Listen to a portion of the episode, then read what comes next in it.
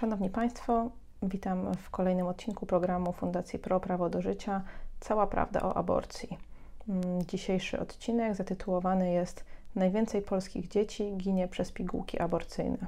Cała baza wiedzy dostępna jest na stronie www.stronażycia.pl. Ja nazywam się Anna Szczerbata i zapraszam Państwa do wysłuchania tego odcinka. Wiele osób utożsamia skalę zjawiska aborcji w Polsce z oficjalnymi statystykami przedstawianymi przez Ministerstwo Zdrowia co roku.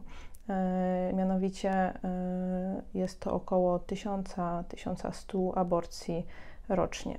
Natomiast e, trzeba sobie zdawać sprawę, że prawdziwa skala aborcji to nie tylko aborcje legalne to także te aborcje, których kobiety dokonują same w domu, połykając pigułki poronne. Tych aborcji jest z pewnością znacznie więcej niż tysiąc rocznie. Wiarygodne szacunki pozwalają stwierdzić, że może ich nawet być 30 tysięcy rocznie. Są to aborcje straszne, brutalne, są to aborcje, w których przez wywołanie porodu który, który jest skutkiem połknięcia pigułki poronnej. Zabijane są dzieci, a potem najczęściej wrzucane są do toalety i spuszczane razem z odpływającą wodą. Kobiety zabijają własne dzieci z pomocą pigułek poronnych, które mm, kupują przez internet. E, są do tego zachęcane przez polskie aborcjonistki, przez polskie feministki, które zajmują się pośrednictwem w sprzedaży tych środków przez internet. Prawdopodobnie czerpią z tego też y, niemałe zyski, dlatego też nie dziwi skala promocji medialnej dla tych działań. E, kobiety zajmujące się pomocą w dokonywaniu domowych aborcji e, udzielają wywiadów, pojawiają się na okładkach czasopism, e, opowiadają o tym, że aborcja jest ok, że to jest nic takiego, że każdy powód do aborcji jest dobry. Mm, tymczasem rzeczywistość jest zupełnie, zupełnie inna i po pierwsze, każda z tych aborcji to jest zabicie człowieka, a po drugie, same kobiety, które są e, wmanipulowywane i okłamywane przez aborcjonistki e, co do tego, jak wygląda aborcja, przekonują się na własne oczy, jak wygląda zamordowane dziecko.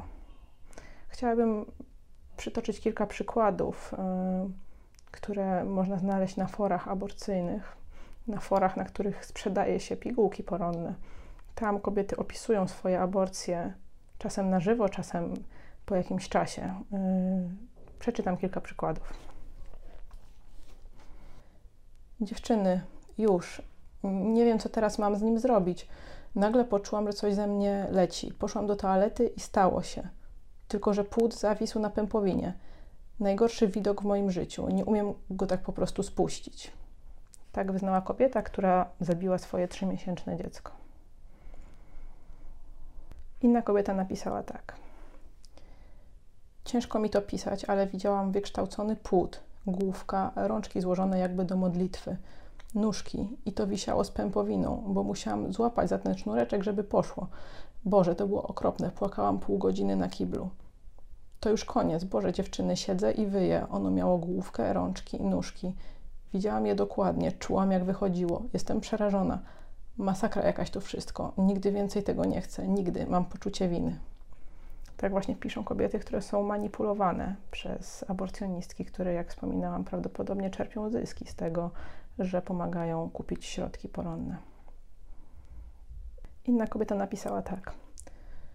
Żałuję potwornie, oddałabym swoje życie, jeśli to przywróciłoby życie tej kruszynce. Ból fizyczny jest niczym w porównaniu z bólem psychicznym. A teraz relacja kobiety, która dokonała aborcji w 20, w 20 tygodniu ciąży. To było straszne. Byłam już w dwudziestym tygodniu ciąży. Pierwsza, druga, trzecia i czwarta próba nieudana. Po piątej próbie odeszły mi wody i maluszek. Jest mi z tym źle. Wiem, że nie był niczemu winny. Widok jego maleńkich rączek, nóżek, włosków na główce i malutkich uszek był dla mnie szokiem.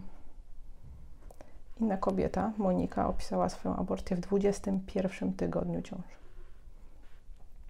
Tabletki zażyłam w 21 tygodniu ciąży, co zagrażało także mojemu życiu i byłam tego świadoma. Czekałam wyjąc jak bubr. Zaczęły się pojawiać bóle w podbrzuszu, silne wymioty, przerażające drżenie, dygotanie z zimna, gorączka, zimne poty i wszechogarniający nas strach. Kobieta pojechała do szpitala i oto co wydarzyło się dalej. Kilka minut i ciało mojego aniołka było już ze mną. Wtedy łzy wyschły, oczy nie miały siły płakać, mózg nie mógł pracować. Odpłynęłam, chciałam umrzeć. Najszczerzej, jak nigdy dotąd, miałam nadzieję, że i ze mną stanie się coś złego, za karę. Chciałam zamknąć oczy i już nigdy się nie obudzić. Kobieta otrząsnęła się po chwili, gdy usłyszała pytanie: Czy chce pani zobaczyć dzieciątko? Głosem najczulszym i najłagodniejszym, jaki kiedykolwiek przyszło mi słyszeć. Chcę. Zobaczyłam, dotknęłam, poczułam. Dramat, katorga dla duszy i ciała, rozdzierająca pustka w środku, kołatanie rozdygotanego serca, nieopisane cierpienie, którego nie sposób ogarnąć myślami. Tak wygląda pigułkowy przemysł śmierci w Polsce. Za śmierć być może 30 tysięcy, być może większej jeszcze liczby dzieci odpowiedzialny jest odpowiedzialna jest przestępczość aborcyjna, napędzana przez media, które promują aborcję jako coś dobrego, jako coś zwykłego.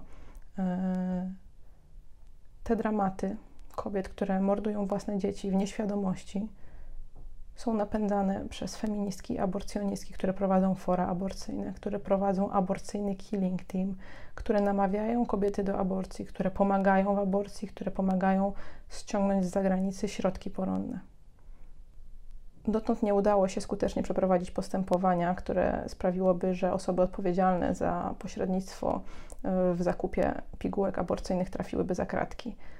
E, jednak Mam nadzieję, że wkrótce to się zmieni, że prokuratura zajmie się poważnie tym tematem. Materiału dowodowego jest naprawdę dużo. Fora e, internetowe aborcjonistek są pełne opisów aborcji, opisów historii, w których konkretne osoby, konkretne moderatorki forum pomogły kobietom zabić swoje dzieci.